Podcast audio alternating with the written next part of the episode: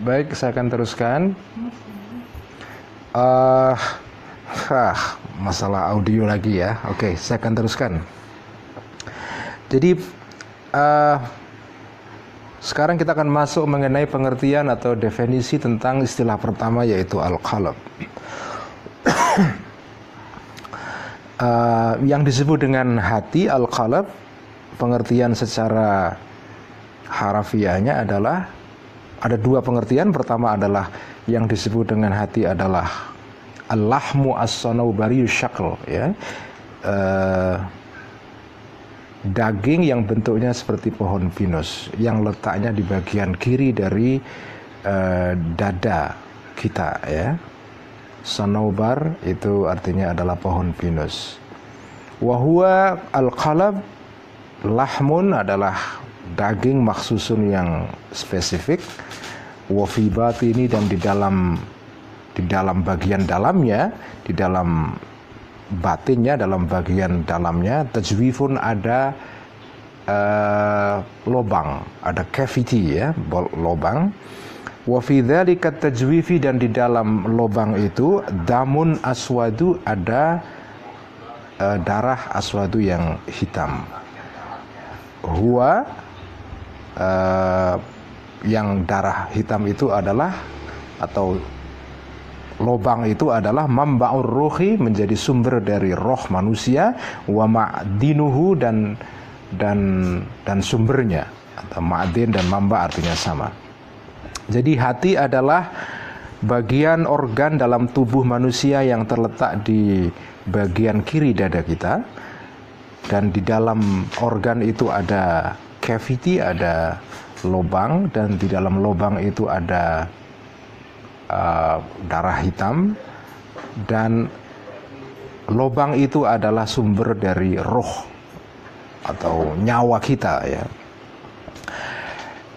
Kita tidak tahu apakah apakah pengertian seperti ini yang ditulis oleh Imam Ghazali ini sesuai dengan uh, ilmu anatomi modern atau tidak saya tidak tahu tetapi ini adalah keterangan yang di diberikan oleh Imam Ghazali sesuai dengan pengetahuan anatomi tubuh yang ada pada zamannya. Kalaupun misalnya sekarang ada pengetahuan baru yang berbeda, tentu uh, kita akan akan bisa memperkaya pengertian ini dengan pengertian yang sesuai dengan perkembangan sains yang baru. Tetapi inilah keterangan yang dituliskan oleh Imam Ghazali sesuai dengan perkembangan anatomi tubuh yang ada pada zamannya. Tetapi ini tidak terlalu penting karena pengertian hati seperti ini sebetulnya tidak terkait langsung dengan uh, pembahasan mengenai hati di dalam tinjauan ilmu tasawuf atau mistik ya. Ini adalah pengertian hati secara anatomis ya. Walasna dan ini dikatakan oleh Imam Ghazali sendiri walasna naksidu dan kita tidak memaksudkan al-ana sekarang ini syarah syaklihi menjelaskan tentang bentuknya hati wa kaifiyatihi dan dan uh, dan cara operasinya, cara bekerjanya ya. Bukan hati dalam pengertian ini yang akan menjadi uh, fokus pembicaraan Imam Ghazali di dalam bab ini. Sebab idh yata'allaku karena berhubungan bihi dengan hati dalam pengertian ini dalam pengertian ini gharadul atibai tujuan atau maksud dari para dokter ya. Ini adalah hati wilayah penjelasan hati atau jantung yang menjadi uh, spesialisasi dari para dokter. Dan ini bukan bagian dari uh, uh, bukan merupakan bagian dari uh, tema yang akan dibahas oleh uh, oleh Imam Ghazali di sini. Walaya ta'allaku dan tidak berhubungan bihi dengan hati dalam pengertian itu al-aghradu diniyatu tujuan-tujuan keagamaan. Wahadal qalbu dan hati seperti ini maujudun ada, ada ya lil, bala, lil bahaimi bagi atau untuk para binatang ya bahaim. Binatang juga punya hati semacam ini. Kalau hati maksudnya adalah organ tubuh jantung itu binatang juga punya. Balhua bahkan hati dalam pengertian seperti itu maujudun ada lil mayiti bagi uh, mayit bagi orang yang sudah mati. Orang mati pun juga punya hati seperti itu Wa nahnu dan kami, maksudnya pengarang buku ini Imam Ghazali, idza atlaqna ketika kita mengucapkan lafzul qalbi lafal uh, hati fi hadza alkitab di dalam kitab ini lam na'ni ya, lam na'ni. Dari kata ana yakni tidak memaksudkan bihi dengan al-qalb zalika pengertian seperti itu. Ketika saya menggunakan istilah kolab di dalam kitab ini dalam pembahasan ini maka yang kami maksudkan bukan kolab dalam pengertian itu. Fa'innahu karena kolab dalam pengertian itu kita atulahmin hanya apa potongan potongan daging. La kodro yang tidak ada nilainya lahu bagi bagi laham bagi daging semacam itu.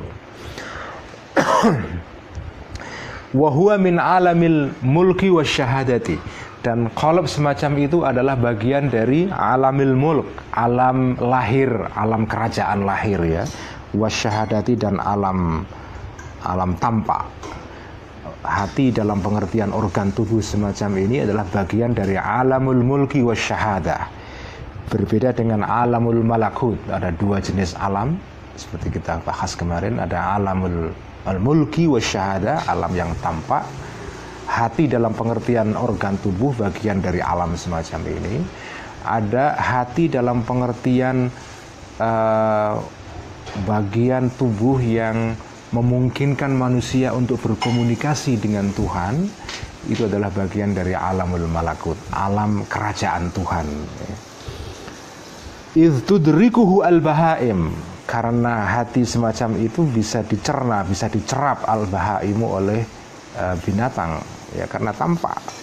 Kalau Anda apa keluarkan organ tubuh jantung semacam itu Anda potong, Anda keluarkan, Anda tunjukkan kepada binatang, binatang bisa melihat. Bihasatil basori, binatang bisa melihat bihasatil basori dengan indera mata. Fadlan apalagi ya fadlan apalagi anil adamiyina uh, manusia orang-orang anak-anak Adam atau manusia. Kalau binatang bisa melihat organ tubuh semacam itu apalagi manusia bisa melihat ya. Ini pengertian pertama. Hati dalam pengertian pertama adalah organ tubuh ya. Tapi ini bukan hati yang akan menjadi fokus pembahasan dari kitab Ihya di sini. Nah, Lalu makna hati yang seperti apa yang menjadi tema pembahasan dalam kitab ini? Makna kedua, wal makna asani makna yang kedua dari hati huwa adalah latifatun rabbaniyatun ruhaniyatun. Latifatun sesuatu yang yang lembut ya. Rabbaniyatun yang bersifat ketuhanan ruhaniyatun yang bersifat kerohanian. Inilah hati dalam uh, atau hati yang akan menjadi fokus pembicaraan Imam Ghazali. Jadi hati maksudnya adalah sesuatu yang lembut yang bersifat ilahi, yang bersifat spiritual di dalam diri manusia. Itulah qalb ya. Laha baginya bihadzal qalbi al jismani dengan qalb dalam pengertian fisik ini ta'alluqun ada hubungan. Uh, apa? Latifah atau atau kapasitas mental yang halus semacam itu yang bersifat ilahi itu ada kaitannya dengan hati dalam pengertian fisik itu ada ya tetapi dia sesuatu yang terpisah meskipun ada kaitan dengan hati dalam pengertian fisik jantung tadi itu tetapi dia eh, terpisah ya Watil latifatu dan sesuatu yang lembut tadi itu hia hakikatul insani adalah merupakan hakikat manusia.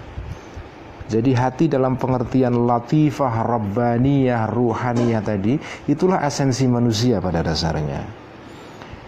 Wahua dan kolab dalam pengertian itu, hati dalam pengertian tadi itu, al-alimu adalah al-mudriku, adalah organ atau bagian tubuh manusia yang bisa mencerap ya. Yang bisa melakukan aktivitas yang disebut dengan dalam bahasa Inggris cognition itu al-mudrik ya. Idrok dari kata idrok artinya cognition. Kemampuan untuk bisa memahami sesuatu. Itulah hati dalam pengertian tadi itu hati dalam pengertian latifah rabbaniyah ruhaniyah. Sesuatu yang lembut yang bersifat ketuhanan bersifat rohaniah. Itulah hati yang punya kemampuan cognition kemampuan untuk bisa mengetahui idrak. Al-alimu yang mengetahui yang dia bisa punya kemampuan untuk tahu. Al-arifu yang bisa uh, mengerti ya. Jadi hati dalam pengertian tadi itu dia punya tiga kapasitas mental. Pertama adalah dia punya kapasitas idrak cognition tahu kapasitas ilm mengetahui al-arifu kemampuan untuk memahami kemampuan untuk ma'rifah ya. Minal insan dari manusia. Itulah hati dalam pengertian latifah rabbaniyah rohaniyah itu inilah esensi manusia ya. Hati dalam pengertian semacam itu dialah merupakan esensi dari kemanusiaan kita. Bukan hati dalam pengertian organ fisik. Kalau hati dalam pengertian organ fisik jantung binatang juga punya. Tetapi hati dalam pengertian latifah rabbaniyah ruhaniyah itu hanya ada pada manusia. Karena itu merupakan uh, esensi dari kemanusiaan pada dasarnya. Wahua dan hati yang semacam ini tadi al mukhatabu adalah yang merupakan objek atau sasaran dari khitab dari firman Tuhan ya. Al mukhatabu yang menjadi sasaran khitab atau firman Tuhan. Wal muaqabu dan yang menjadi objek sasaran dari uh, siksaan Tuhan. Jika Tuhan mengancam manusia dengan siksaan, maka ancaman ini sebetulnya sasarannya bukan manusia fisik, tetapi manusia melalui hatinya yang semacam itu, hati yang berupa latifah rohani ya rabbaniyah. Wal mu'atabu dan sasaran uh, sasaran uh, apa aitab atau uh, sasaran kritik, sasaran uh, kritik dari Allah dari Tuhan. Wal mutalabu dan menjadi sasaran uh, tuntutan, tuntutan untuk melakukan kewajiban keagamaan. Jadi hati dalam pengertian latifah tadi sesuatu yang halus itu itulah yang menjadi objek sasaran tanggung jawab moral sebagai manusia jika Tuhan itu berfirman kepada manusia dan firmannya mengandung moral obligation, tuntutan moral, do and don't, lakukan ini, jangan lakukan ini, maka sasaran dari firman Tuhan semacam itu sebetulnya adalah hati dalam pengertian tadi itu. Walaha alaqatun dan bagi latifah bagi hati yang tadi itu alaqatun ada hubungan ma'al qalbil jusmani dengan hati yang bersifat fisik ya. Tadi saya katakan hati yang bersifat kemampuan lembut tadi itu ada hubungannya dengan hati fisik hati dalam pengertian jantung. Tetapi sebagai kemampuan mental dia terpisah ya. Waqad tahayyar dan dan sesungguh-sungguh uh, bingung, sungguh-sungguh uh, apa? Tidak mampu uqulu aktsaril khalqi, akal sebagian besar orang-orang fi idraki wajhi alaqati di dalam memahami uh, aspek hubungannya. Jadi banyak orang yang tidak tahu bagaimana ada hubungan antara organ fisik berupa jantung dengan kemampuan mental semacam tadi itu kemampuan untuk tahu, untuk memahami, untuk mengetahui. Bagaimana organ yang sifatnya fisik tiba-tiba dia punya kemampuan yang sifatnya rohani ya?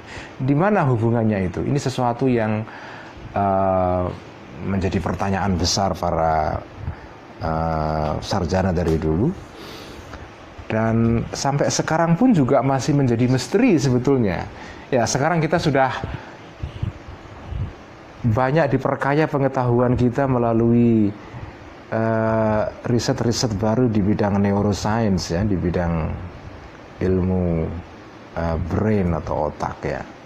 Uh, kalau berdasarkan riset di bidang neuroscience yang terakhir, sebetulnya seluruh aktivitas mental yang tadi kita sebut dengan pengetahuan, pemahaman, pengertian, idrok, ilm, ma'rifah itu sebetulnya tempatnya bukan di jantung seperti di ulas di sini oleh Imam Ghazali tetapi tempatnya adalah di dalam otak brain. Itu bagian dari uh, hasil uh, apa itu aktivitas di dalam otak kita berupa apa itu eh, reaksi-reaksi uh, elektro atau listrik di dalam otak kita uh, yang itu menghasilkan kemampuan-kemampuan yang sifatnya mental tadi itu pengetahuan, pengertian, ma'rifah dan seterusnya. Itu kalau berdasarkan riset neuroscience yang yang terakhir ya. Jadi yang disebut dengan hati itu sebetulnya ada di otak juga. Ini kalau menurut neuroscience yang modern. Tetapi dalam uh, di dalam apa pengetahuan anatomi lama pada zaman Imam Ghazali dan saya kira juga masih sering dipakai oleh orang-orang pada umumnya. Biasanya orang membedakan antara otak dengan hati. Otak ada di kepala, hati ada di dalam dada. Ya. Nah, yang dimaksud dengan aktivitas mental yang bersifat ketuhanan tadi itu, itu tempatnya di sini, bukan di sini. Uh, itu kalau berdasarkan pengetahuan anatomi, anatomi lama ya. Uh, mana yang benar buat saya tidak terlalu penting karena yang penting sebetulnya adalah pembahasan kita mengenai hati dalam pengertian rohaniah tadi itu.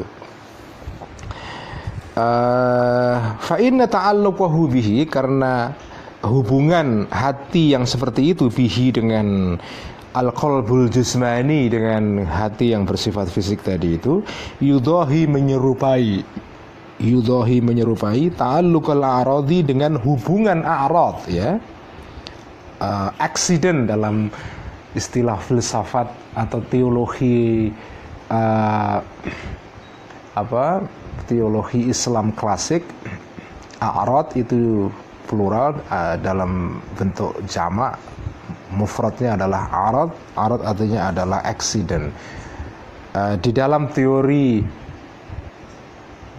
teologi klasik Islam yang itu banyak dipengaruhi oleh uh, wawasan dari Yunani, dari filsafat Yunani, filsafat uh, Hellenistik, uh, ada satu konsepsi uh, tentang dua hal.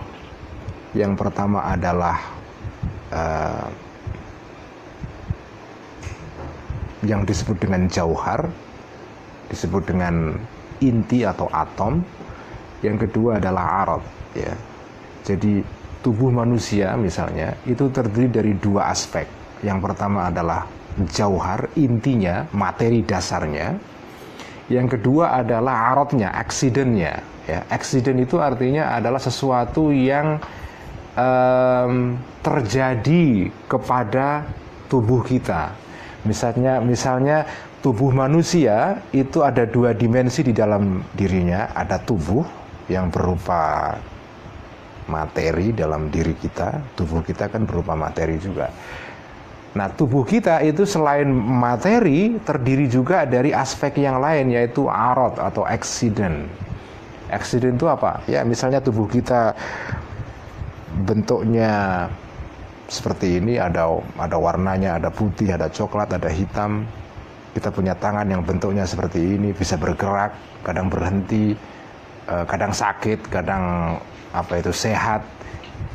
Keadaan-keadaan yang terjadi pada tubuh kita itu disebut dengan accident.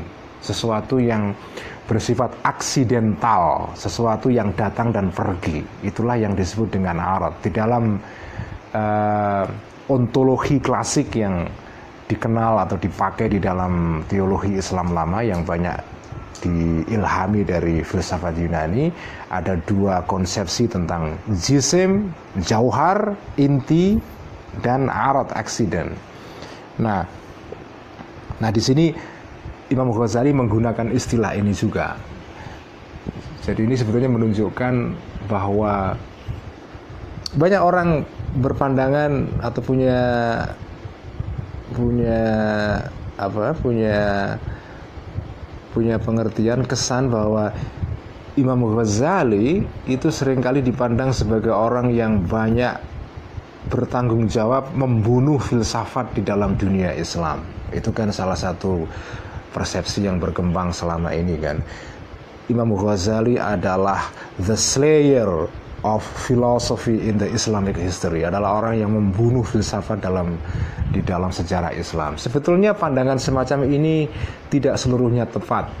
Uh, riset-riset di dalam dunia akademis di Barat yang terakhir mengenai Imam Ghazali itu menunjukkan bahwa sebetulnya Imam Ghazali bukan orang yang benci filsafat dan bukan juga orang yang membunuh filsafat. Karena kalau kita telah karya Imam Ghazali termasuk dalam Ihya ini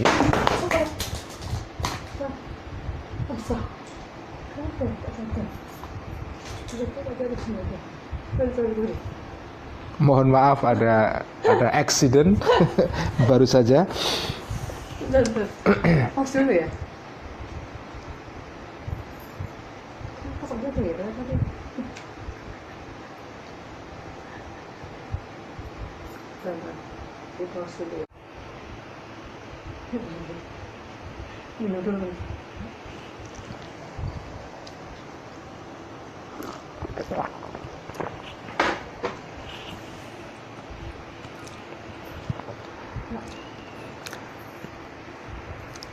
Baik, saya akan teruskan. Uh, ada eksiden kecil tadi, mohon maaf. Uh, jadi di dalam teologi Islam klasik dalam ilmu kalam tadi saya jelaskan ada ada istilah yang disebut dengan jauhar dan art, ada esensi dan eksiden ya. Nah banyak sekali orang yang punya kesan bahwa Imam Ghazali selama ini diasumsikan sebagai orang yang bertanggung jawab terhadap matinya filsafat di dalam dunia Islam. Sebetulnya itu tidak tepat. Tadi saya katakan uh, riset-riset di kalangan para sarjana ahli Islam atau Islamisis di dunia Barat yang masih banyak sekali yang melakukan penelitian mengenai soal Imam Ghazali. Um, mereka sebetulnya menunjukkan bahwa sebetulnya tuduhan Imam Ghazali sebagai pembunuh filsafat itu tidak tepat. Karena kalau kita telaah, kita baca karya-karya Al-Ghazali, termasuk Ikhya sendiri, sebetulnya banyak sekali Imam Ghazali ini masih memakai dan menggunakan um, apa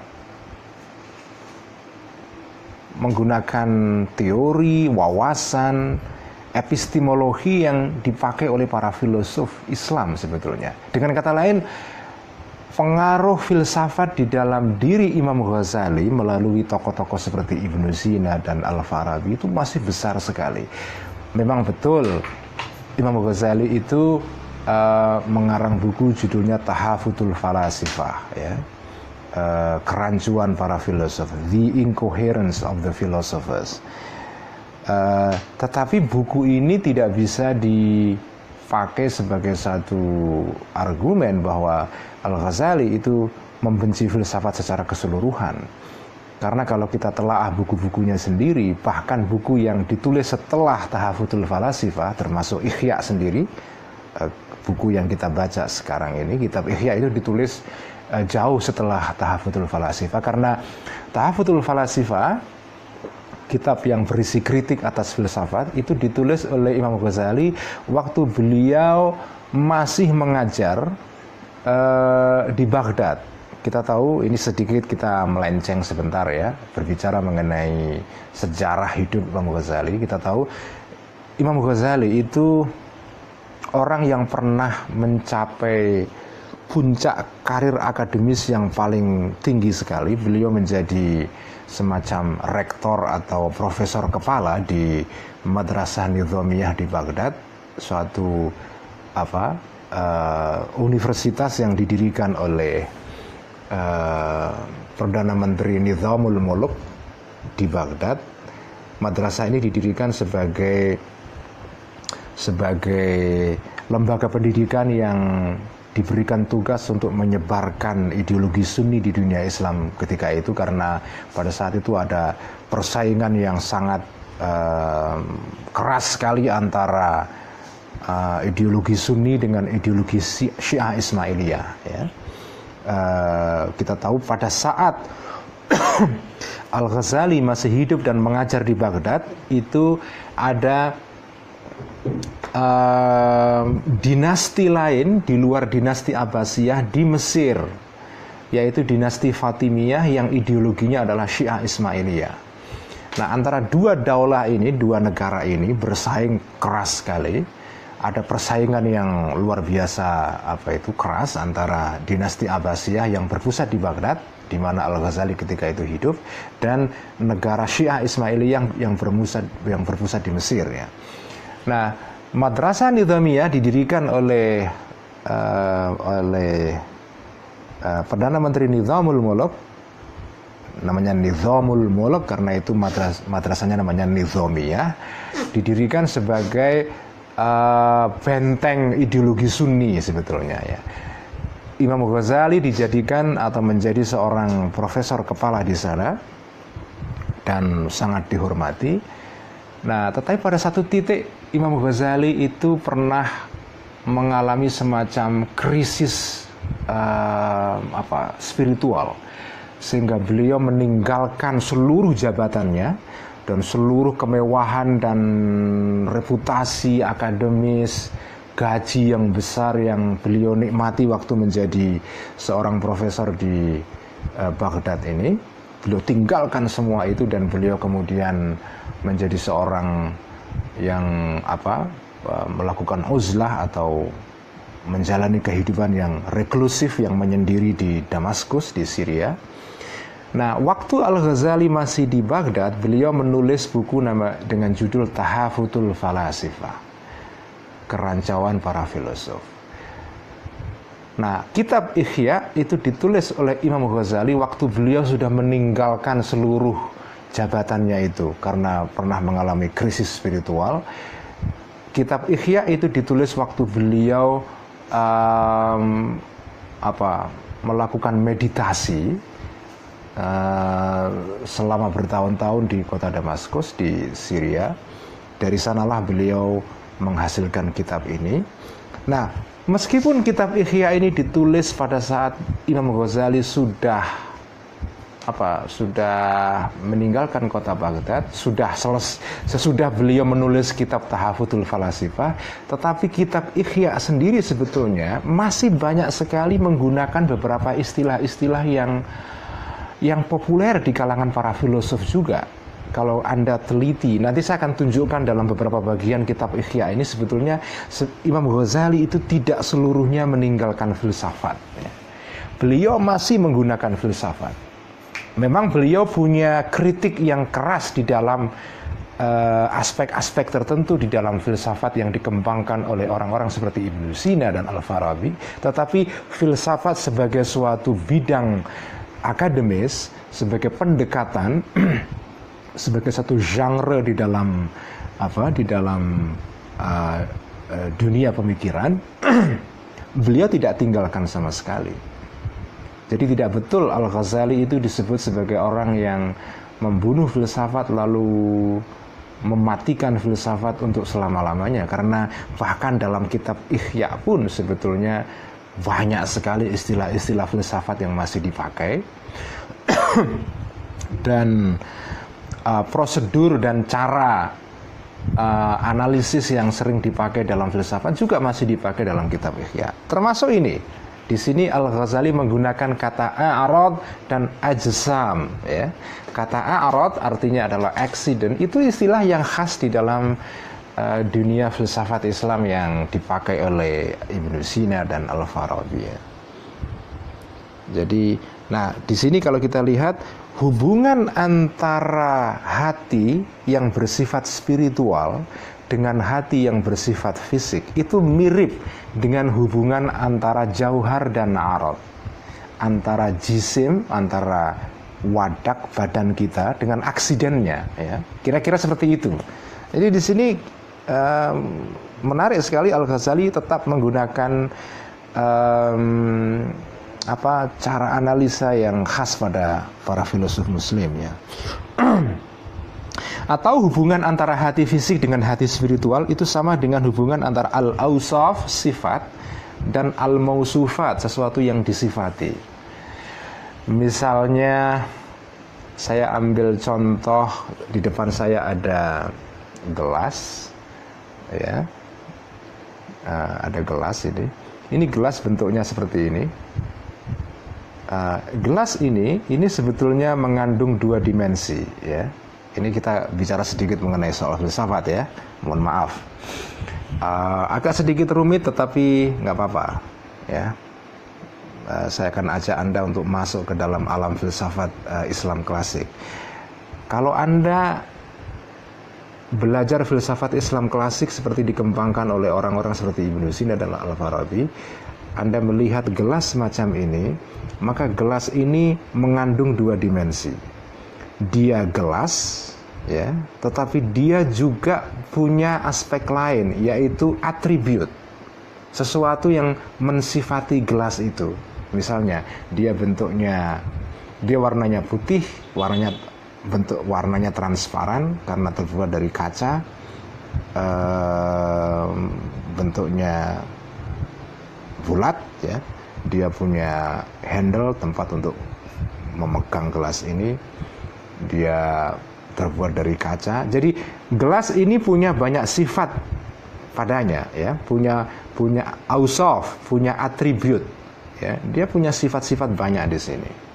Tetapi dia sendiri juga ada dimensi yang lain yaitu dia sebagai gelas ya. Dia sebagai gelas dan dia sebagai gelas yang punya atribut banyak di sini. Jadi gelas itu adalah gelas dan juga sifat-sifatnya. Jadi ada dua dimensi. Nah hubungan antara hati fisik dengan hati spiritual kira-kira sama dengan hubungan antara gelas dan sifat-sifatnya. Gelas yang terbuat dari kaca, sifat-sifatnya yang transparan, yang yang mudah pecah kalau jatuh misalnya dan seterusnya. Jadi ada sifat, ada mausuf, ada jisim, ada arot, ada esensi, ada accident. Selalu begitu. Itu sebetulnya bagian dari uh, pengetahuan tentang ontologi tradisional yang mungkin sumbernya dari Yunani sana dan masih dipakai oleh Al Ghazali di sini. Jadi ini untuk menunjukkan bahwa sebetulnya tidak betul Al Ghazali itu membenci filsafat karena kitab Ihya sendiri yang merupakan kitab yang sering kali dianggap sebagai kitab tasawuf ya banyak juga menggunakan istilah-istilah cara analisa uh, prosedur berpikir yang khas di dalam filsafat Islam au ta'alluqal musta'milil alati bil alati. Atau seperti hubungan antara seorang pengguna alat dengan alatnya. Ya. Itulah hubungan antara hati spiritual dan hati fisik. Manusia sebagai operator dan alat yang dioperasikan manusia. Jadi ketika Anda mengoperasikan misalnya handphone hubungan Anda dengan handphone yang Anda operasikan, seperti itulah kira-kira hubungan antara hati spiritual dengan hati fisik.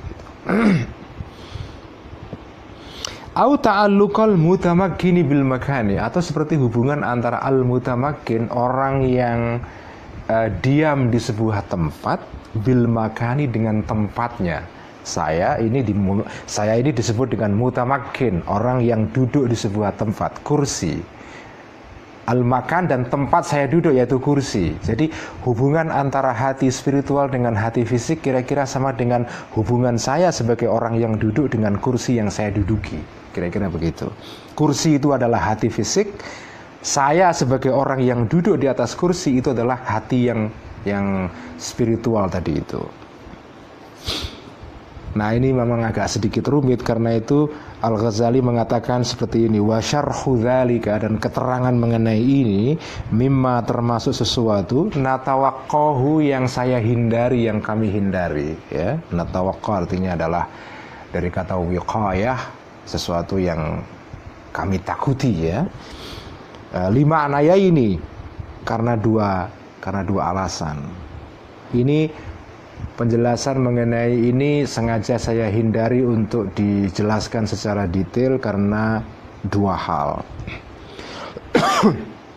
Ahaduma yang pertama annahu uh, sesungguhnya ini semua muta'alliqun berhubungan bi'ulumil mukasyafati dengan ilmu mukasyafah. Soal hati yang spiritual tadi dan hubungannya dengan hati fisik itu bagian dari ilmu mukasyafah, ilmu ilmu laduni kalau dalam istilah tasawuf ya, ilmu yang berasal dari ketuhan dan itu sifatnya rahasia dan mungkin tidak layak untuk dijelaskan terlalu detail karena mungkin bisa menimbulkan salah pengertian. Walaisa gharaduna dan tidak tujuan kami min hadal, min hadal kitab dari kitab ini illa uluma al muamalati kecuali ilmu muamalah kitab Ikhya yang saya tulis ini yang ditulis oleh Al Ghazali ini adalah kitab yang berhubungan dengan ilmu muamalah. Ilmu yang terkait dengan kehidupan kita di dunia ini. Bukan ilmu mukasyafa. Ilmu mukasyafa itu ilmu yang diperoleh manusia berdasarkan pengalaman langsung beribadah kepada Allah, bermeditasi, bermunajat dan seterusnya. Itu semua ilmu yang sifatnya rahasia itu bukan menjadi objek pembahasan kami di sini. Kami hanya membahas ilmu muamalah, bukan ilmu mukasyafah. Soal hati yang bersifat spiritual tadi itu itu adalah bagian dari pembahasan ilmu mukasyafah karena itu saya hindari di sini. wasani dan wasani dan kedua anna tahqiqahu dan sesungguhnya uh, klarifikasi atau penjelasan yang yang sifatnya substantif mengenai hati yang spiritual tadi itu yastata'i menuntut ifsya'a sirrir ruhi untuk menyebarkan rahasia roh atau nyawa roh ya.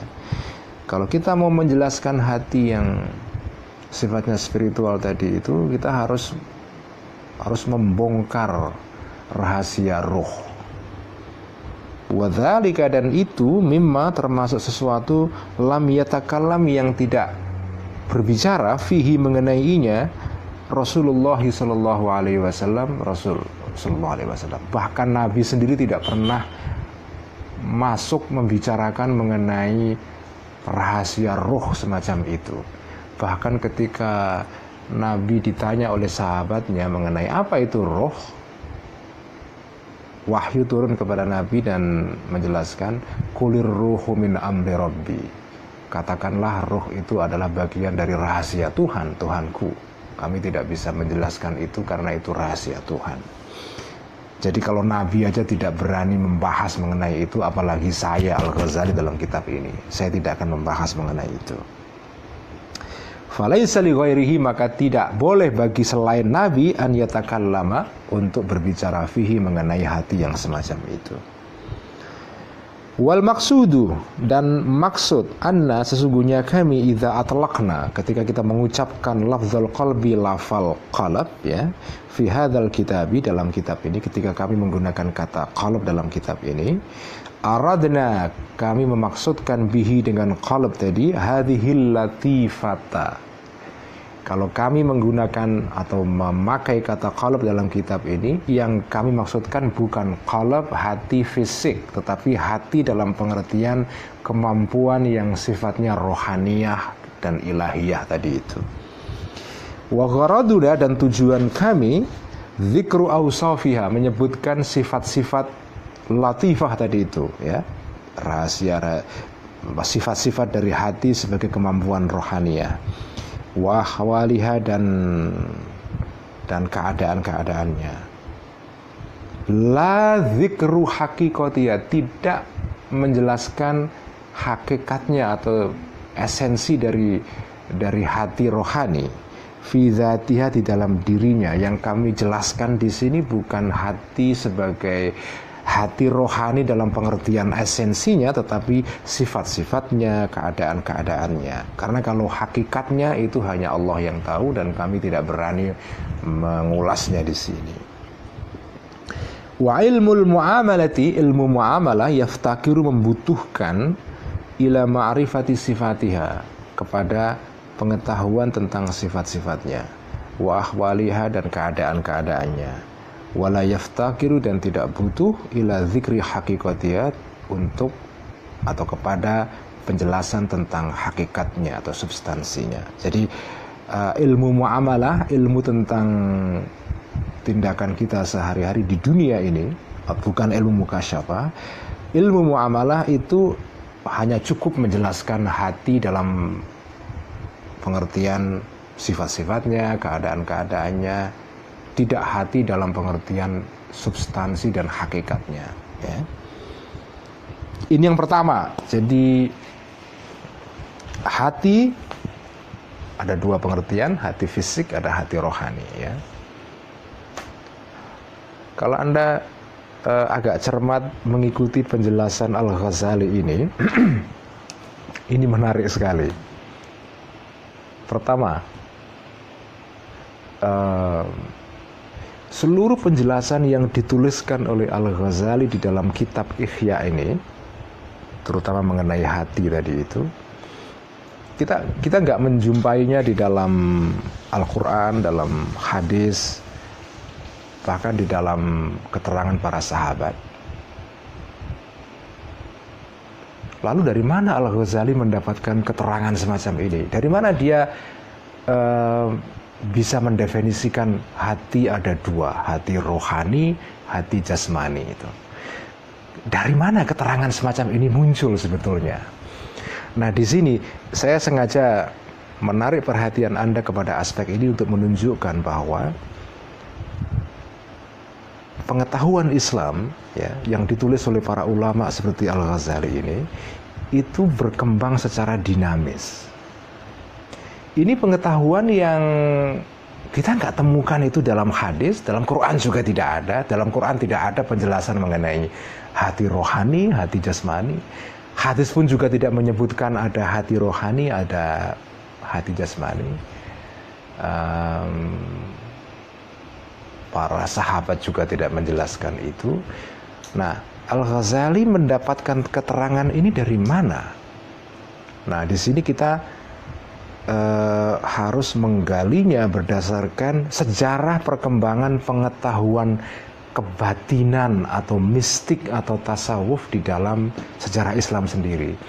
Jadi pengetahuan Islam ini menarik sekali itu berkembang secara gradual bertahap dari zaman Nabi, sahabat, tabiin sampai kepada Al-Ghazali. Al-Ghazali kita tahu hidup pada abad ke-6 Hijriah, pada abad ke-11 Masehi.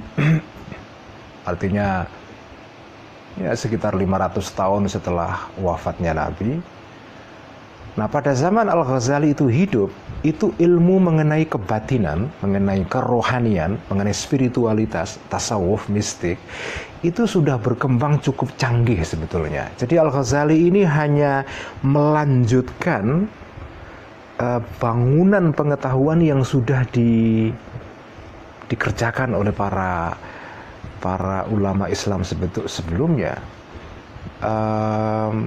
tokoh-tokoh atau ulama Islam pada generasi pertama yang sudah mulai masuk ke dalam ilmu tentang rohaniah ini tentang kerohanian misalnya seperti Imam Junaid ya yang juga di Baghdad hidupnya ya itu itu hidup jauh sebelum Imam Ghazali pada abad uh, ketiga Hijriah tahun 300-an Al Ghazali hidup pada tahun 500-an ya jadi sekitar 200 tahun uh, hidup hidupnya Al Junaid itu 200 tahun sebelum Al Ghazali.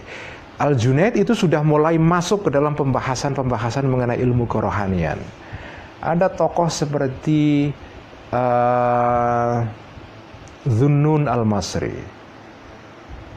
Abu Yazid Al Bistami, ada Sahal At-Tustari, ada Al Hallaj itu juga hidup sebelum Al Ghazali jadi ada tokoh-tokoh besar yang datang sebelum Al-Ghazali, ada tokoh penting yang kitabnya banyak sekali di dijadikan dasar oleh Al-Ghazali untuk penulisan kitab Ihya ini. Salah satu sumber uh, referensi yang banyak dirujuk oleh Al Ghazali di dalam menulis kitab Ihya ini adalah kitab yang ditulis oleh Imam Abu Talib Al Makki yaitu Qutul Qulub ya.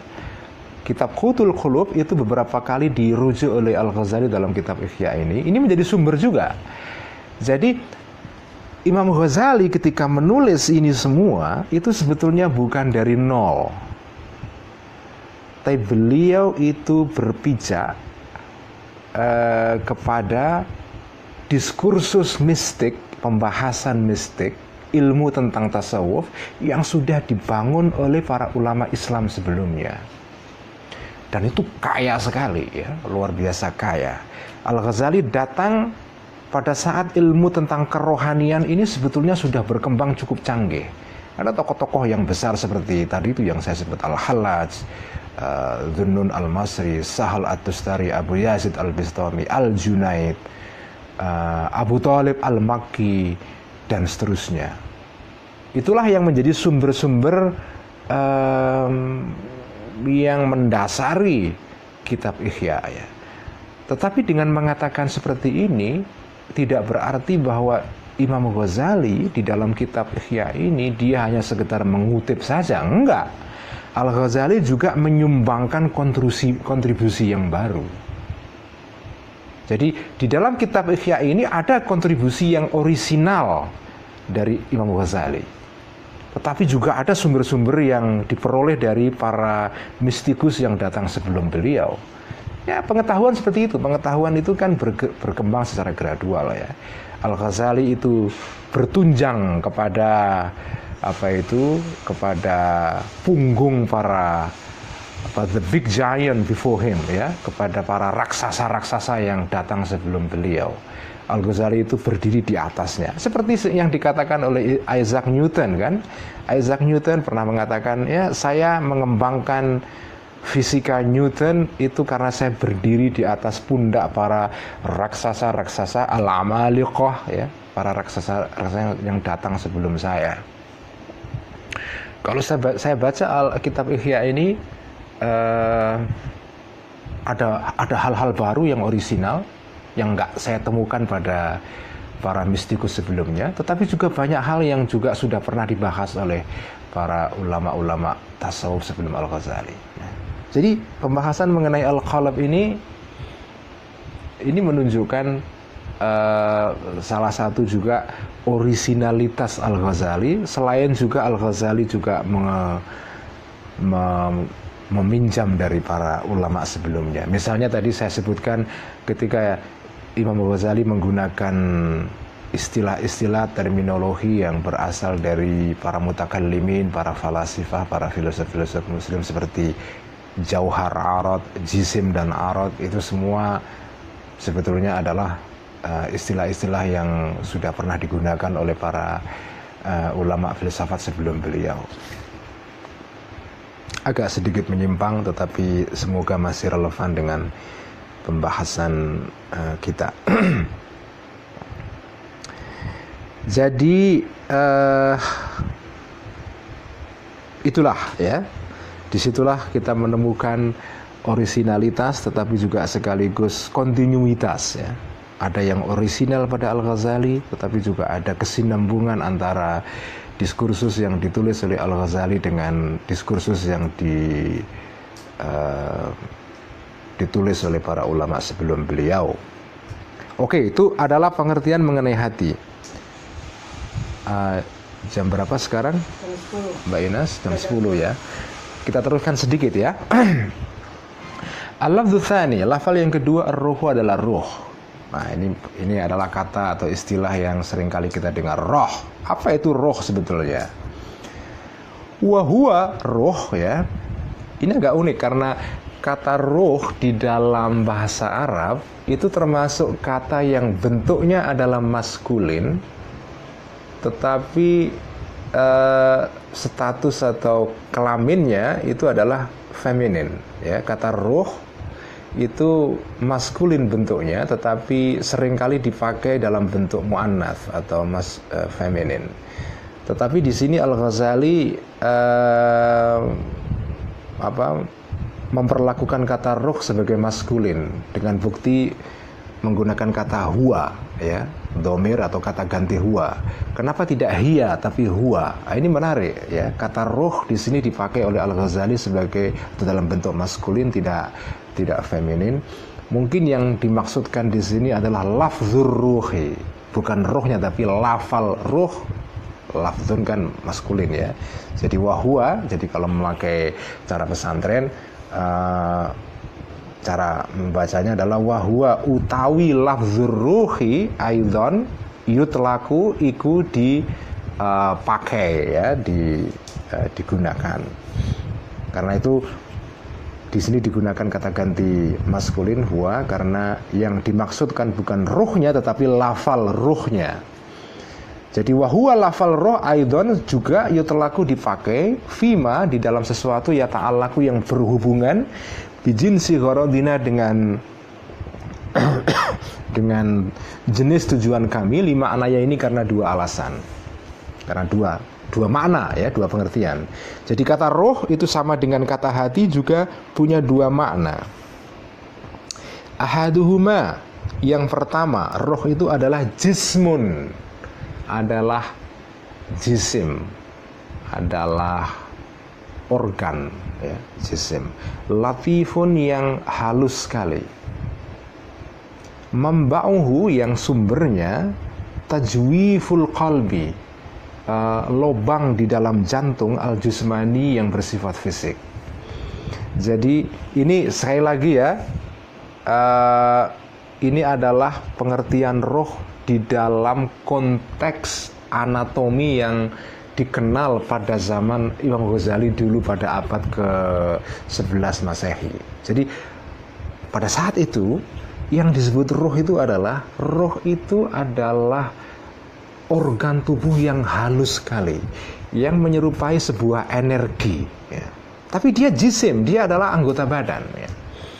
mungkin sekarang ini ya pengetahuan kedokteran atau anatomi modern mungkin akan berbeda. Tetapi pada zaman itu roh itu didefinisikan sebagai jismun latifun. Organ tubuh yang halus. Karena itu sering kali kalau kita melihat ilustrasi tentang roh di dalam komik-komik populer misalnya kalau ada orang meninggal misalnya digambarkan ada anggota tubuh halus yang yang keluar dari tubuh tubuh kasar gitu kan? Ketika orang meninggal itu digambarkan ada tubuh halus yang yang meloloskan diri yang keluar dari tubuh kasar manusia dan dia terbang. Nah ini sebetulnya penggambaran semacam itu, visualisasi roh semacam itu, itu berkaitan dengan pengertian yang yang ada pada zaman klasik dulu. Roh itu adalah jismun latifun, ya. Roh itu adalah anggota badan yang halus, yang tempatnya ada di dalam uh, cavity, di dalam apa lobang uh, yang ada di dalam jantung manusia. Fa fayunsharu biwasitatil uruq ad-dawaribi ila sairi ajza'il badani fayunsharu maka tersebar maka disebarkan ya anggota tubuh yang halus tadi itu disebarkan biwasitatil uruqi melalui uh, apa itu saraf-saraf ad-dawaribi yang bercabang-cabang tersebar ila sairi ajzail badani di dalam seluruh anggota tubuh. Jadi roh itu adalah semacam organ halus yang sumbernya ada pada jantung, kemudian melalui saraf, melalui otot-otot uh, dalam tubuh manusia disebarkan ke dalam seluruh anggota tubuh. Ya mungkin semacam apa darah kalau dalam anatomi yang kita kenal sekarang roh itu semacam energi yang timbul karena ada oksigen yang di uh, sebarkan melalui darah kita yang dipompakan melalui jantung kira-kira gitu kan. Ya itulah yang disebut dengan roh dalam pengertian roh fisik ya. Itu pengertian roh yang uh, yang pertama.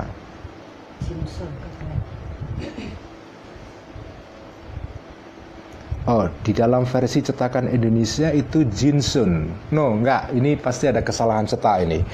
Uh, saya punya edisi Ihya seperti yang ada pada sebagian teman-teman itu yang saya beli di di sini uh, cetakan Toha Putra kalau tidak salah yang sumbernya itu mungkin uh, juga dari Darul Fikr itu ada beberapa kesalahan cetak yang cukup banyak Nah, termasuk ini ya, Jismun Latifun dalam edisi yang sebagian yang beredar di pasaran di sini itu itu disebutkan Jinsun Latifun ya. Uh, yang benar adalah Jismun ya. Uh, inilah problem problem um, apa yang kita hadapi di di kalangan kita karena jadi kitab-kitab klasik yang ditulis oleh para ulama ini itu kan dulunya saudara-saudara sekalian, dulunya itu kan ditulis dengan tangan. Itulah yang disebut dengan makhtutoh ya, sesuatu yang ditulis dengan hot, dengan tangan. Jadi dulu sebelum ditemukan mesin cetak oleh Gutenberg, itu orang-orang zaman generasi kakek-kakek kita dulu pada abad-abad lampau itu kalau ngaji itu bayangkan dulu itu orang harus menyalin secara manual. Kitab itu ya ditulis secara secara manual dengan tangan itulah yang disebut dengan maktuto dan orang dulu itu kalau ingin punya kitab ya dia datang kepada seorang tukang penyalin naskah yang disebut dengan al-warraq dulu ya Uh, jadi ada profesi zaman klasik dulu yang disebut dengan al-warraq atau an-nassah. Uh, orang-orang yang tugasnya adalah menyalin kitab. Jadi kalau kita mau ngaji, kita nggak punya kitab, kalau sekarang pergi ke toko, dulu nggak ada toko karena nggak ada mesin cetak. Orang datangnya adalah ke al-warraq, orang yang tukang penyalin naskah. Jadi kita datang, Uh, bang, tolong dong salinkan ikhya. Udah disalinkan dan itu butuh waktu berbulan-bulan karena tang tulisan tangan dan harganya mahal sekali. Tidak semua orang mampu untuk mempunyai kitab pada zaman itu. Nggak semua orang karena semua kitab itu ditulis tangan, ya. Nah, ketika kita masuk ke era modern, kemudian kita mengenal mesin cetak, itu kemudian mengalami masalah karena tulisan tangan yang berupa manuskrip yang kita warisi dari generasi dulu itu, itu kadang-kadang ada kesalahan cetak juga karena ya namanya penyalin naskah mereka kadang-kadang nggak ngerti isi kitab itu hanya ditulis saja kadang-kadang keliru kan? Atau kadang-kadang karena naskah itu sudah lama sekali uh, kertasnya rusak kemudian tulisannya blobor kalau dalam bahasa Jawa ya tahu kan blobor ya? Uh, ya ditulis dengan eh, mangsi apa? Tinta lama itu tinta tinta Cina ya. Tinta Cina. Uh, ya kadang-kadang kena air blobor atau apa menjadi terhapus kan. Lalu kata jinsun menjadi jismun gitu. Kita nggak tahu juga kan. Karena itu uh, manuskrip manuskrip lama itu ketika mau dicetak ulang itu butuh yang disebut dengan editor Nah, tidak semua maktutoh atau manuskrip lama yang terbit sekarang ini itu dikerjakan oleh editor ahli. Kadang-kadang ya penerbit yang hanya sekedar mencari untung ada naskah lama dicetak begitu saja, tidak di naskah itu tidak dikerjakan oleh editor yang ahli dan tidak di karena kalau editor ahli kalau mau mempublikasikan manuskrip lama itu tidak cukup hanya dengan satu maktutoh. Dia harus mengumpulkan semua maktutoh yang ada, yang tersebar di berbagai perpustakaan, dia bandingkan satu dengan yang lain. Ada perbedaan naskah enggak, mana yang paling mendekati kebenaran kira-kira. Dan itu yang disebut dengan ilmu filologi yang sekarang berkembang di dalam dunia akademis ya. Dan itu rumit sekali. Ya. Uh, nah kalau jinsun itu artinya jenis ya. Kalau kalau jismun ya artinya wadak atau jisim ya. Ya yang tepat sebetulnya jismun. Kembali lagi ke cerita saya tadi itu. Jadi sekarang termasuk kitab Ihya ini setahu saya sampai sekarang ini saya belum menjumpai edisi Ihya yang dikerjakan dengan uh, melalui editing akademis ya. saya mendengar sudah ada yang mulai mengerjakan itu apakah sudah uh, sudah terbit atau belum tapi sejauh ini yang saya tahu edisi-edisi uh, Ihya yang ada sekarang itu edisi-edisi yang belum dikerjakan secara sungguh-sungguh melalui proses editing akademis. Sampai sekarang saya belum menemukan. Termasuk edisi yang saya pakai ini, ini edisi terbitan Ibnu Dar, Daru Ibnu Hazm dari Lebanon.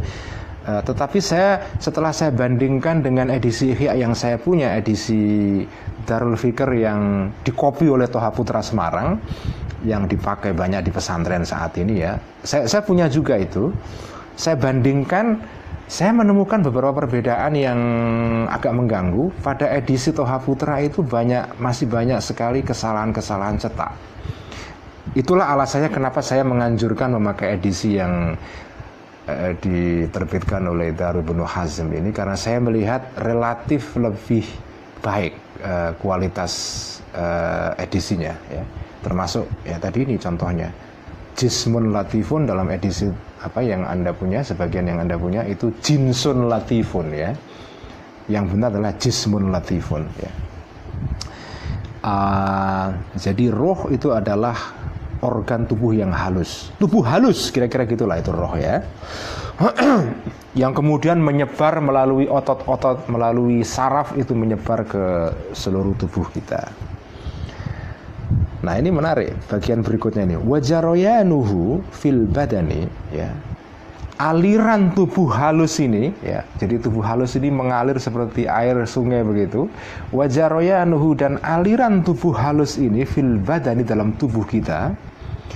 Wa fayadhanu anwaril hayati. Dan apa itu? Dan uh, fayadon itu artinya banjir, membanjirnya, meluapnya cahaya kehidupan. Jadi roh itu mengalir dan meluap seperti air banjir dalam bentuk seperti cahaya ke dalam seluruh tubuh ya.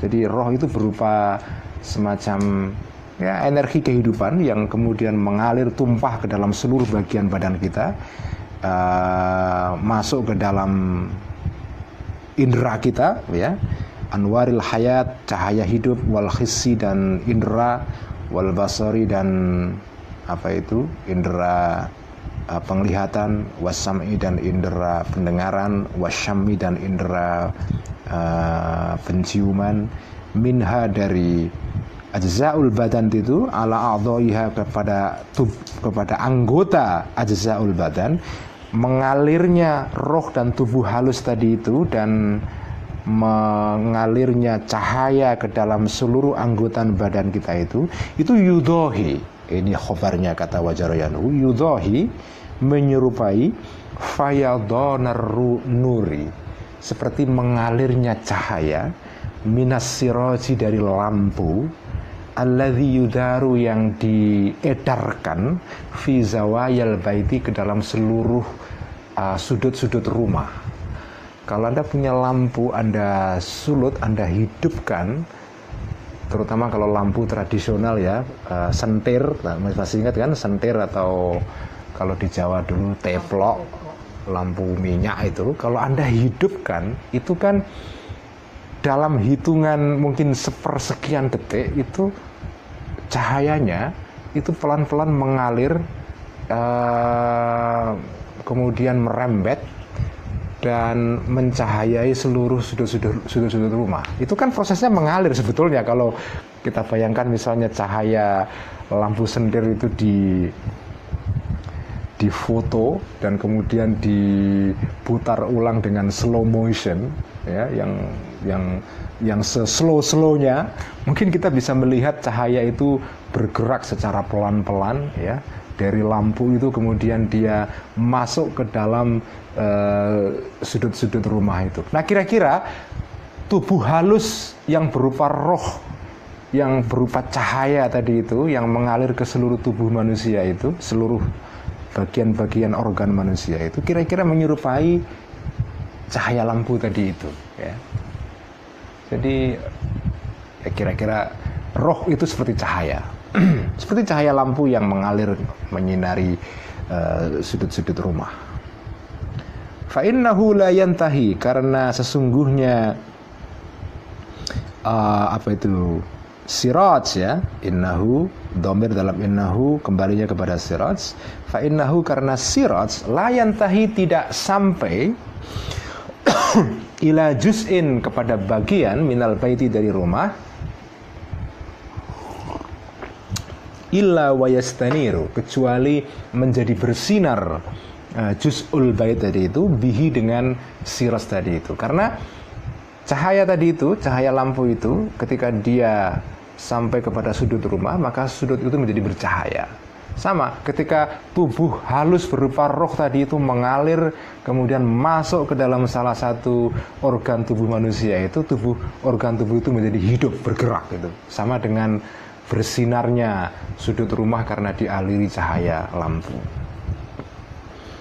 Wal hayatu dan kehidupan, misaluha perumpamaan kehidupan itu adalah an-nuru, cahaya al-hasilu yang yang terjadi fil khitoni di dalam tembok. Kata khiton itu plural jamak, bentuk mufradnya adalah haitun ya, tembok. Haitun khitonun. Uh, bentuk jamak yang agak sedikit kurang apa itu uh, kurang kurang lazim ya.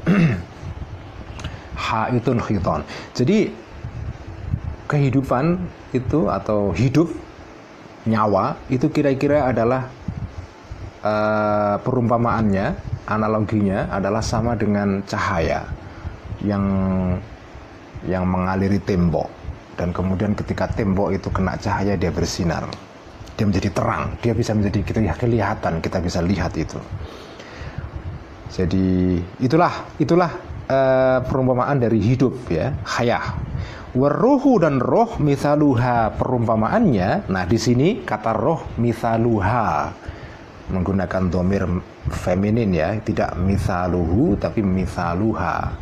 Tapi di atas tadi wahua, ya kan? Nah, karena memang ada perbedaan di sini. Kalau di sini misaluha, kenapa ha? Karena yang dirujuk adalah kata ruh. Kata ruh itu adalah muannas, feminin. Karena itu misaluha, tidak misaluhu.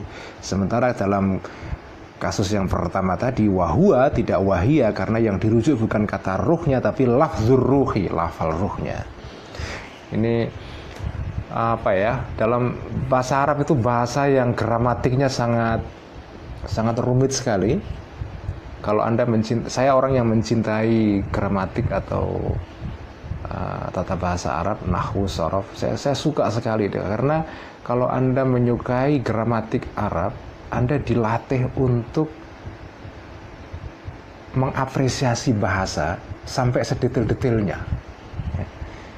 Bahasa Arab itu mengandung detil-detil yang menarik sekali, yang kalau ditelisik sampai ke detil-detilnya begitu, uh, itu membuat Anda menjadi teliti sekali. Dan karena itu orang yang menguasai bahasa Arab atau yang semacamnya atau bahasa-bahasa seperti bahasa Latin ya, yang rumitnya juga kurang lebih sama dengan bahasa Arab, Anda akan dilatih untuk mengapresiasi bahasa melalui detil-detilnya. Ya seperti ini, uh, karena bahasa Indonesia tidak mengenal gender, ya kan? Bahasa Indonesia kita mengatakan dia, dia itu ya laki-laki, perempuan sama. Tapi dalam bahasa Arab, dalam bahasa Latin, dalam bahasa-bahasa Semitik, uh, apa bahasa Perancis atau bahasa Spanyol, Itali, bahasa-bahasa yang sumbernya dari bahasa Latin itu mengenal gender, mengenal apa itu uh, kelamin. Ada kelamin maskulin, feminin, ada muzakkar, ada muannas, ada mufrad, musanna, tasniyah, ada jamak. Dalam bahasa Indonesia nggak ada itu status uh, apa itu jumlah. Ya quantity. Itu tidak menemukan tidak menentukan status kata secara gramatik ya. Anda mengatakan uh, dua orang datang ya kan? Dalam bahasa Indonesia kan kita mengatakan dua orang datang. Dalam bahasa Arab dua orang datang dengan satu orang datang dan banyak orang datang itu secara gramatik itu ungkapannya beda-beda ya kalau jaa itu satu orang datang satu orang laki-laki datang. Kalau dua orang laki-laki datang jaa ya. Kalau laki-laki banyak datang jauh tapi kalau perempuan yang datang, beda lagi ungkapannya. Jaat, satu orang perempuan datang. dua orang perempuan datang ja'ata perempuan orang perempuan banyak datang. Jina ya dalam bahasa Indonesia semua sama. Perempuan satu perempuan dua perempuan banyak laki-laki satu laki-laki dua laki-laki banyak. Datang ya datang semua datang. Tidak ada sofistikasi gramatik ya. Tidak ada kerumitan kompleksitas gramatik dalam bahasa Indonesia. Karena itu ya bahasa Indonesia punya juga kompleksitasnya sendiri. Saya nggak mengingkari itu. Tapi tapi sepengamatan saya bahasa Indonesia itu uh, kompleksitasnya itu jauh dibanding bahasa Arab atau bahasa Latin misalnya ya. Karena itu kalau Anda hanya kenal bahasa Indonesia saja, Anda Anda tidak mengerti uh, perbandingan antara bahasa yang rumit secara gramatik dengan bahasa yang sederhana.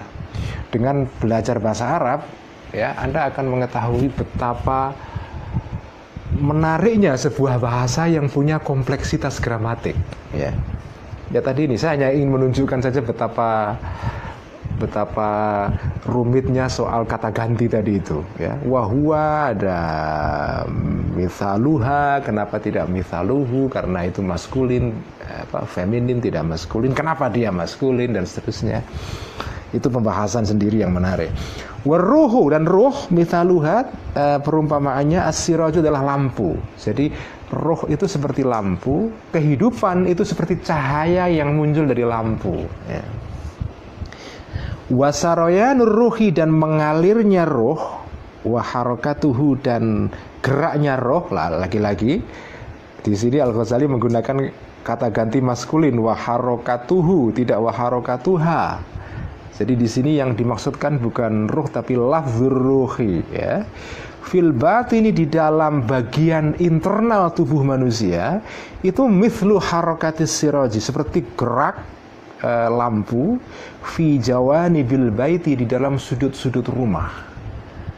Fitahriki muharrikihi dengan digerak dengan e, digerakkannya seorang yang menggerakkan lampu itu. Kalau lampu itu digerakkan, maka cahaya itu kemudian mengaliri sudut-sudut rumah itu. Nah, kira-kira uh, apa kehidupan nyawa itu seperti itu. Nyawa itu mengalir dalam tubuh manusia, mengaliri seluruh bagian-bagian organ dalam tubuh manusia seperti cahaya yang dikirim oleh lampu dan kemudian mengalir ke dalam sudut-sudut rumah itu. Menurut saya ini metafor yang menarik. Hidup atau roh itu seperti cahaya. Walaisa syarhuhu dan tidak keterangan mengenai roh yang seperti ini min horodina termasuk tujuan kami. Ini roh dalam pengertian fisik ya, ini bukan topik pembicaraan kitab Ihya karena idil muta'alliku bihi ya idil muta'alliku bukan muta'allaku ya idil muta'alliku karena yang berhubungan bihi dengan roh yang seperti itu itu horodul atibbai.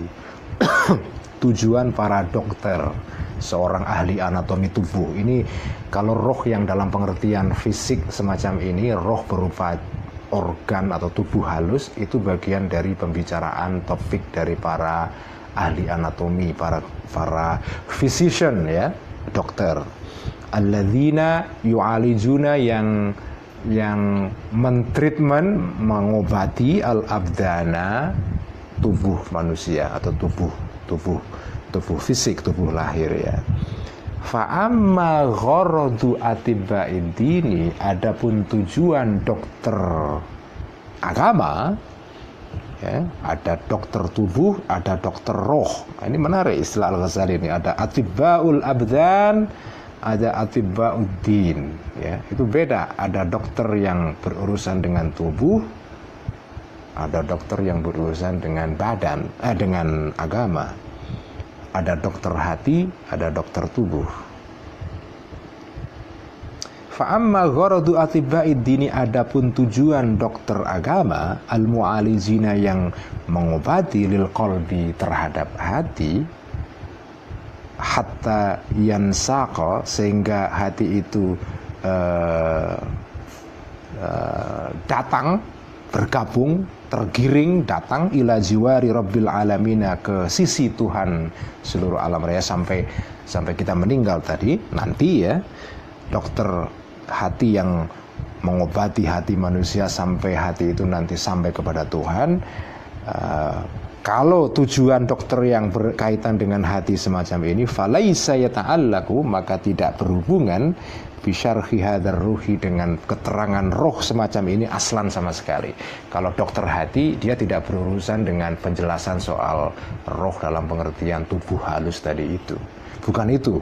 Nah, lalu roh seperti apa? Nah, ini roh dalam pengertian kedua. Al-ma'na makna yang kedua, huwa al-latifatul alimatu. Roh dalam pengertian kedua adalah al-latifatu.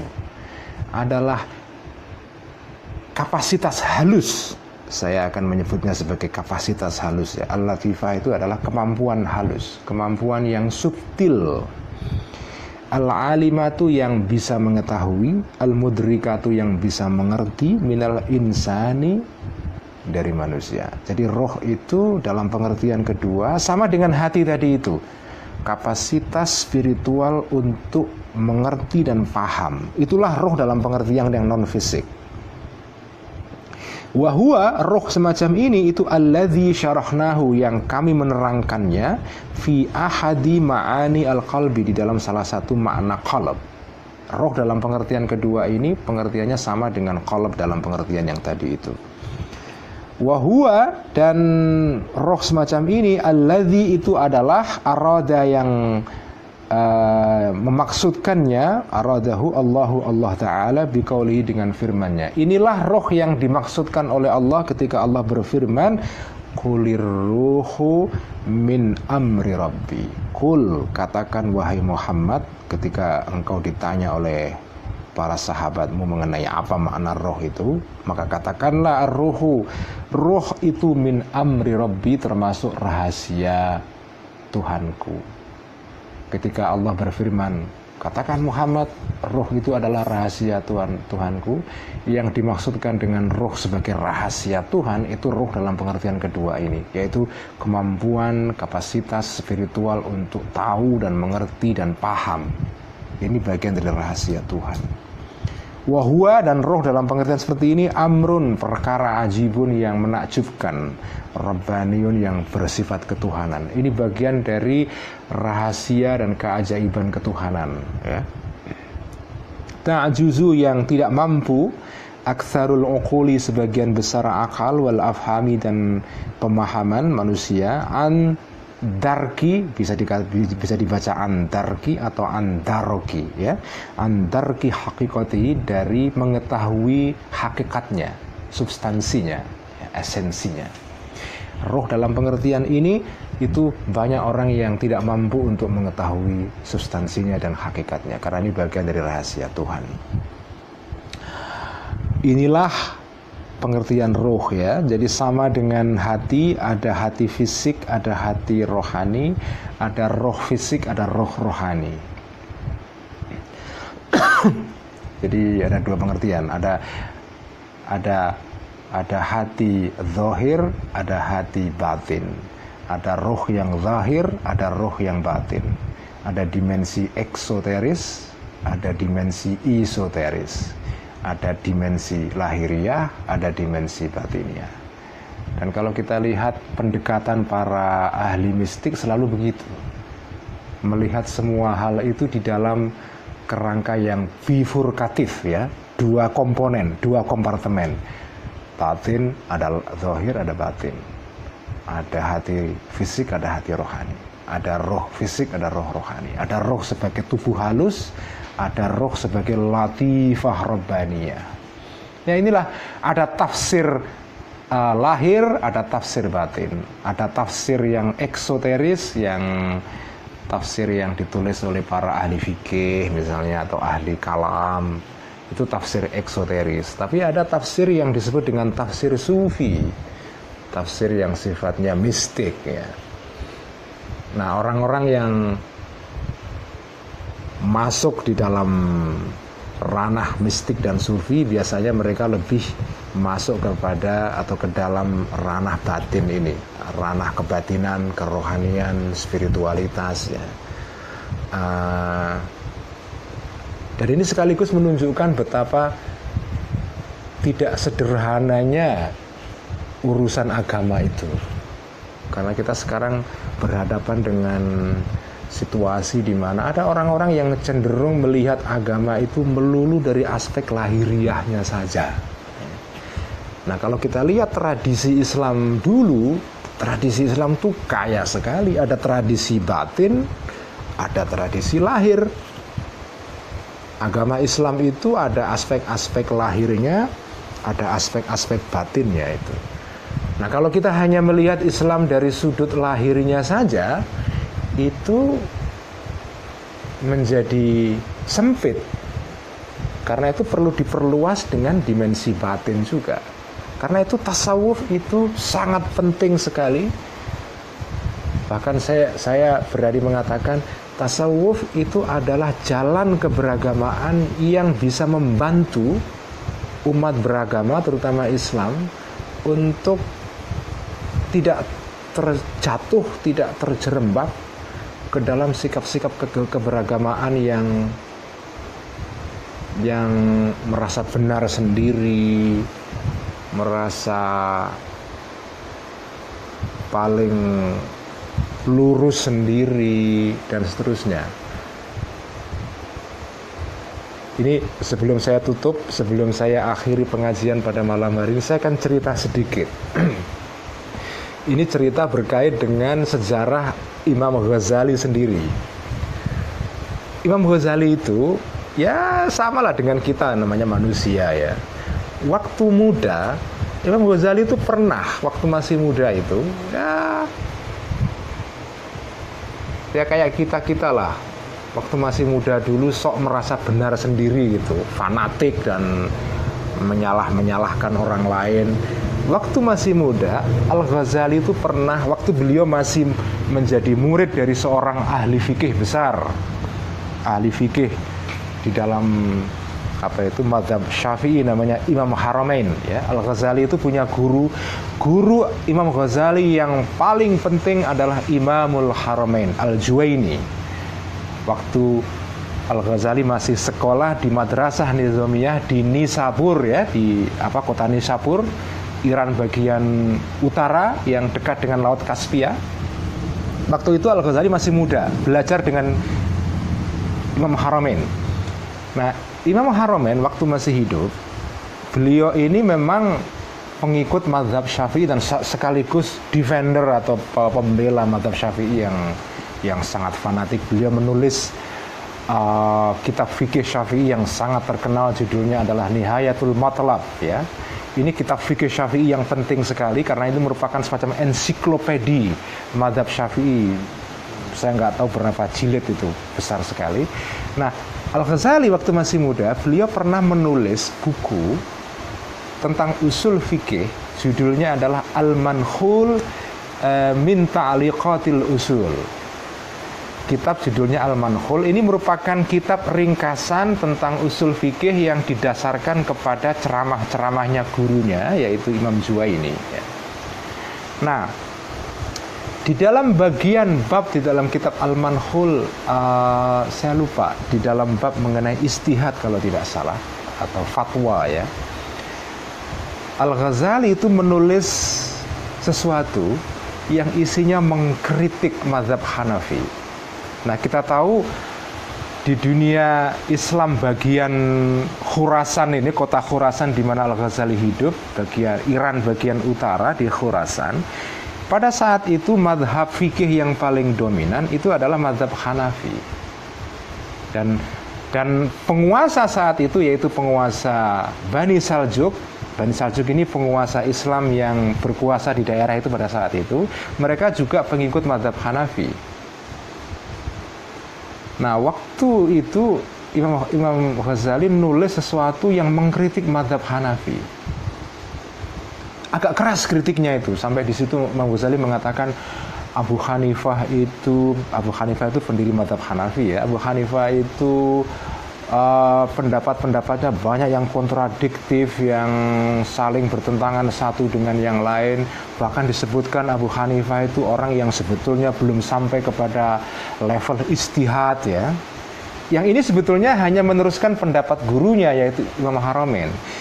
Imam Haromen sendiri, gurunya Imam Ghazali itu pernah bermasalah dengan pendapatnya yang agak sedikit bias, an, apa agak keras mengkritik uh, madhab Hanafi sehingga beliau itu terusir dari daerahnya jadi Imam Haramain itu pernah pernah harus melarikan diri dari kota Nisabur dan pergi ke Makkah karena beliau ketakutan karena dia di mau diserang oleh para pengikut madhab Hanafi sehingga, sehingga melarikan diri. Nah Al-Ghazali, Al-Ghazali muda di dalam kitab Al-Manhul itu menulis sesuatu yang isinya mengkritik madhab Hanafi sama dengan gurunya. Sampai Al Ghazali itu pernah dipanggil oleh uh, apa itu uh, Raja Bani Saljuk ketika itu uh, apa itu anaknya Raja Bani Saljuk yang Malik Shah ya anaknya saya lupa namanya uh, dia dipanggil ditanya anda benar nggak nulis sesuatu yang agak menyinggung madhab Hanafi? Karena ini banyak orang yang marah Bagaimana ini? Jadi Imam Ghazali ditanya mengenai itu karena tulisan beliau dalam kitab Al-Manhul itu.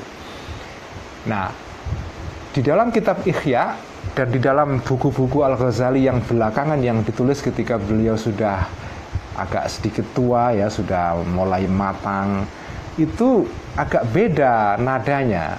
Al-Ghazali muda itu ada unsur fanatisme di dalam dirinya, fanatisme terhadap madhab apa itu? Syafi'i. Ketika sudah tua beliau sudah mulai bisa meletakkan segala sesuatu secara proporsional. Dalam kitab Ihya sendiri beliau memuji juga madhab Hanafi ya. Jadi beda nada di dalam kitab Ihya dengan nada di dalam kitab Al-Manhul Al-Manhul itu Ghazali muda Ihya itu Ghazali tua ya. Ghazali yang sudah masuk ke, kepada ilmu batin ya nadanya lebih dewasa, lebih ya, lebih ya, lebih bijak lah, lebih hikmah ya. Nah itu contoh. Jadi kalau anda hanya berpegang pada ilmu lahir toh, itu anda bisa punya sifat merasa benar sendiri. Persis seperti yang dialami oleh Al Ghazali di dalam kitab Al Manhul. Gara-gara itu Al Ghazali punya masalah dengan orang-orang di sekitarnya karena diprotesi segala macam. Ghazali tua di dalam Ihya nadanya beda, lebih bijaksana.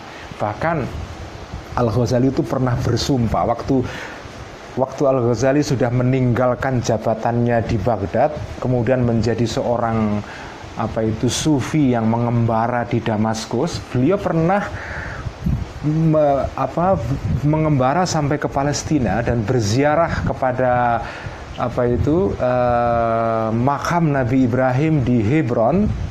Di depan makam Nabi Ibrahim itu Al Ghazali itu berjanji. Sejak saat ini saya tidak akan lagi apa? Uh, tidak lagi mau terlibat di dalam fanatisme madhab. Saya tidak mau lagi debat-debat seperti waktu dulu saya masih muda. Karena debat itu kan isinya hanya apa? Ya kalau sekarang kalau debat itu isinya tweet war ya. Ya itu kan hanya adu ego saja sebetulnya kan. Apa sih orang yang dicari dengan tweet war itu atau debat itu selain ya meng, beradu ego dan dan kebesaran diri saja sebetulnya kan Nah, Imam Ghazali berjanji di depan makam Nabi Ibrahim itu, mulai sekarang ini saya tidak mau lagi berdebat, saya tidak mau lagi terlibat di dalam debat antar mazhab, di dalam fanatisme yang berlebihan terhadap mazhab saya. Karena itu, karya-karya Al-Ghazali tua itu isinya adalah selalu ingin meletakkan segala sesuatu pada proporsinya. Itu semua terjadi karena Al-Ghazali masuk kepada ilmu batin seperti ditulis dalam kitab Ihya ini. Jadi betapa pentingnya beragama ini menyeimbangkan antara ilmu zahir dengan ilmu batin. Ilmu zahir tok tidak cukup, ilmu batin tok juga tidak cukup. Ini ini penting ya Anda perhatikan. Kalau Anda hanya berpegangan pada ilmu batin toh, melepaskan diri dari ilmu zohir, ilmu syariat, itu juga tidak bisa. Tidak bisa. Anda hanya hanya kebatinan tok tanpa ilmu syariat itu tidak bisa. Nggak bisa. Karena ilmu syariat itu ya kayak jalan. Anda mau pergi ke sebuah tempat,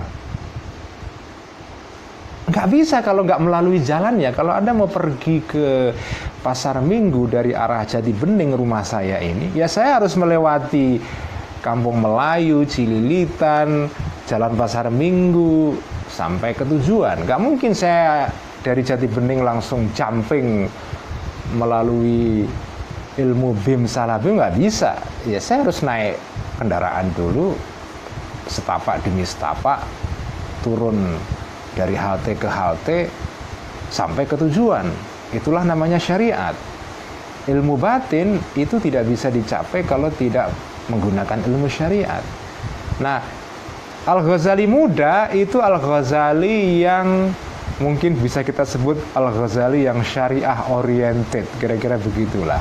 Al-Ghazali tua dalam kitab Ikhya itu menyeimbangkan antara ilmu batin dan ilmu zahir ilmu zahir dan ilmu batin. Sekian pengajian Ihya pada malam hari ini.